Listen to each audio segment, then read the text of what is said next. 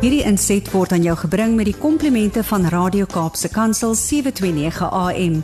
Besoek ons gerus by www.cape pulpit.co.za. Good morning Brad, môre Almarie. Goed om weer saam met julle te wees en ons gesels verder oor bome.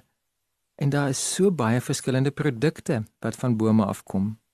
Vrugtebome lewer vrugte. Ah, daar is dan min dinge so lekker soos 'n ryp appelkoos reg van die boom af of 'n geel perske wat nog 'n uur gelede aan daai tak gehang het en nou ryp in jou hand lê en jy spoel hom af en jy byt in jou sappige geel perske in. Ek praat myself nou sommer lus hierso. Boonbehalwe vrugte is natuurlik ook daar blomme en daar's soveel bome wat mooi blom dra. En ons het 'n frangipani boom in ons erf wat oor die jare al so dikwels vir my uitgehelp het uh, as uh, Miranda of uh, my dogter Isabella verjaar dan sit ek so twee of drie frangipani bloeisels uh, in die op die skinkbord saam met die koppie tee as dit nou vir hulle verjaarsdag tee is. En hulle ruik so lekker en hulle lyk so mooi. Ehm um, daar is natuurlik ook die die lekkerte van dat bome is, is die bron van 'n klomp kompos. Die die herfsblare en van die fyn takke, daar is so baie wat jy kan doen met daai kompos. Een van die produkte van bome is onsigbaar, want bome gee suurstof. En sonder sonder daai produk sou ons almal diep in die moeilikheid gewees het. 'n Ander produk van bome kan jy ook nie regtig weeg nie, want dit is koelte as jy in 'n warm area is en jy moet eers gaan staan, dan sal jy baie eerder in die koelte van 'n boom gaan staan as wat jy daar in die vel son bly staan. So koelte is 'n produk van 'n boom. 'n Ander belangrike bron van bome is die feit dat hulle koolsuurgas opneem en dit dit bind in in in in vaste verbindings, organiese verbindings en dit dan in die grond deponeer deur die wortels. Die Engelse term vir daardie vir die beginsel is sequestration carbon sequestration en dit word net belangriker en belangriker dat ons bewus raak daarvan dat die besoedeling wat ons as mense veroorsaak bring onder meer 'n klomp koolsuurgas in die lug in en daai koolsuurgas daardie koolstof in die, in die, in die koolsuurgas kan weer opgeneem word en ons kan 'n klomp van daardie koolsuurgas omkeer en positief benut en ek werklik tot tot die benefit van die mensdom, die benefit van landbou, die benefit van ons planeet kan dit in ingewerk word in die grond en bome doen dit outomaties. Hulle doen dit van nature af. Natuurlik is daar 'n klomp ander produkte van bome. En een van die mees ooglopende produkte is hout. Hout kan boumateriaal wees, hout kan meubels wees.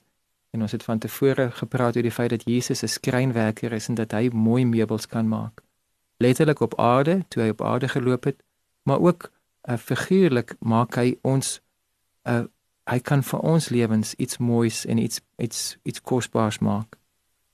Maar 'n ander manier wat jy hout kan gebruik en dit is waaroor ons vanoggend gaan gesels, is die feit dat jy kan 'n klomp houtplanke gebruik en dan in plaas van dat jy dit 'n tafelblad maak, kan jy daardie tafelblad regop laat staan, jy kan vir hom skaniere aansit en jy kan vir jouself 'n deur maak houtdeure, wooden doors is so 'n alledaagse ding dat ons dit eintlik maar net van selfsprekend aanvaar.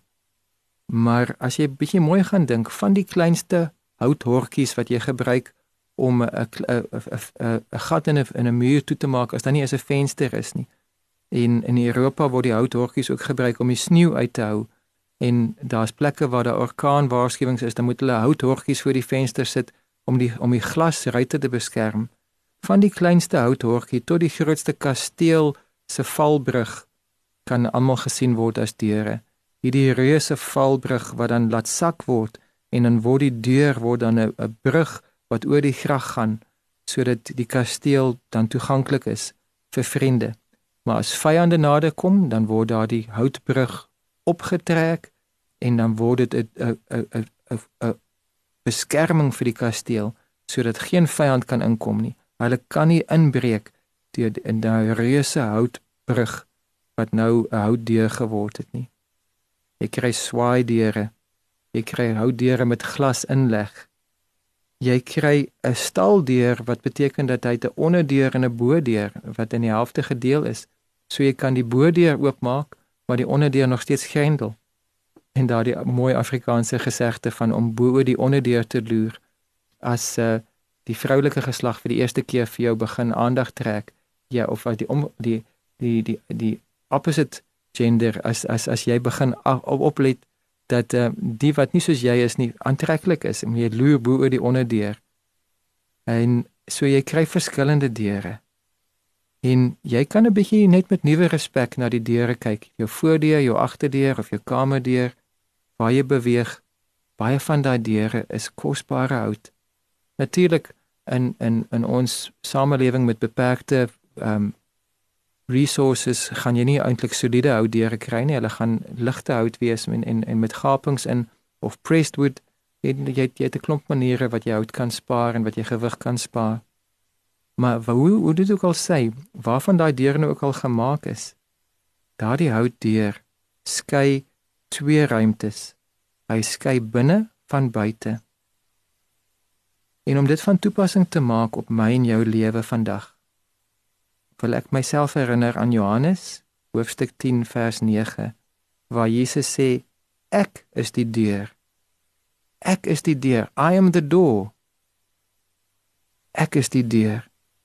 En daardeur sê Jesus 'n geweldige klomp rykdom, 'n groot waarheid. En een van die waarhede wat hy sê is dat ek verbind twee wêrelde ek verbind die wêreld van die hemel met die wêreld van die aarde. Ek verbind die geestelike met die natuurlike. Ek bring toegang tot die Allerhoogste.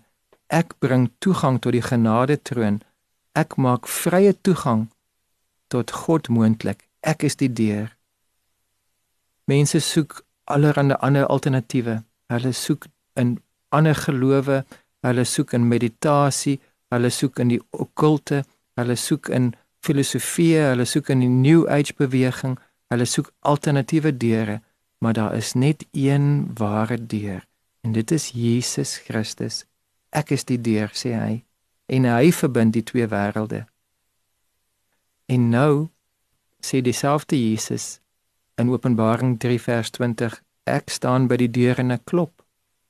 Want die vreemde ding is dat Jesus gelyktydig die deur is en ook die persoon is wat staan en klop. En daardie deur het 'n handvatsel aan die binnekant. Want God het vir ons vrye wil gegee en ons kan die deur oopmaak as ons sy stem hoor en ons kan sê ja Jesus, ek wil met u gemeenskap hê, ek wil met u verhouding hê. Of ek kan in vrye keuse sê nee, ek wil my eie lewe lei. En God in sy respek vir vrye wil en in sy liefde vir ons laat ons toe om te begaan as ons sou sou wou kies om ons eie ding te doen. Maar vandag wil ek nie my hart verhard nie. Vandag wil ek nie vir Jesus uitsluit nie. Vandag wil ek nie die deur van my hart toehou nie. En of dit nou vir die eerste keer is en of dit by herhaling is, wil ek sê ja Jesus, ek maak die deur van my hart oop en ek laat U toe. Ek wil hê dat U U wêreld en my wêreld verbind sodat dit wat ek op hierdie maandag doen, dit wat ek op hierdie vrydagmiddag gaan doen, dit wat ek gaan doen hierdie naweek, dat u vrye toegang het tot my lewe, dat ek nie separated, afgeskei van u af lewe nie, maar dat ek in unity, in eenheid met u lewe. Ek maak die deur van my hart oop. Wanneer jy weer by 'n deur staan, laat daai deur jou herinner aan die feit dat jy kan die deur van jou hart oopmaak en oophou En dit is nie net 'n een eenmalige geskiedkundige dag wat jy dalk by 'n CSV kamp jou hart vir Jesus gegee het nie. Dis 'n daaglikse proses om te sê ek maak my hart oop en ek het ek gee vrye toegang vir die lewende God om in my lewe in te spreek en om saam met my te loop as my vriend. Kom ons bid saam. Dankie Jesus dat U die deur is. Dankie dat van U kant af wil u toegang gee tot alles wie u is en alles wat u bied. En ek wil van my kant af daardie deur nooit heeltemal toemaak nie. Somstyds is daardie deur op 'n skreefie toe want ek voel vol skaamte, ek voel skuldig en ek wil dit verander na 'n open door policy. Ek wil sê ek wil daardie deur oopmaak en sê have your way. Eet vrye toegang tot my lewe. Ek wil U nie weghou uit my lewe uit nie. Ek wil nie agter 'n geslote deur lewe nie. Ek wil lewe met vrye toegang tot U hart. Dankie dat U beskikbaar is. Dankie dat U my deur ken, dat U my deur en deur ken en dat U weet hoe met met U liefde my hart te ontsluit.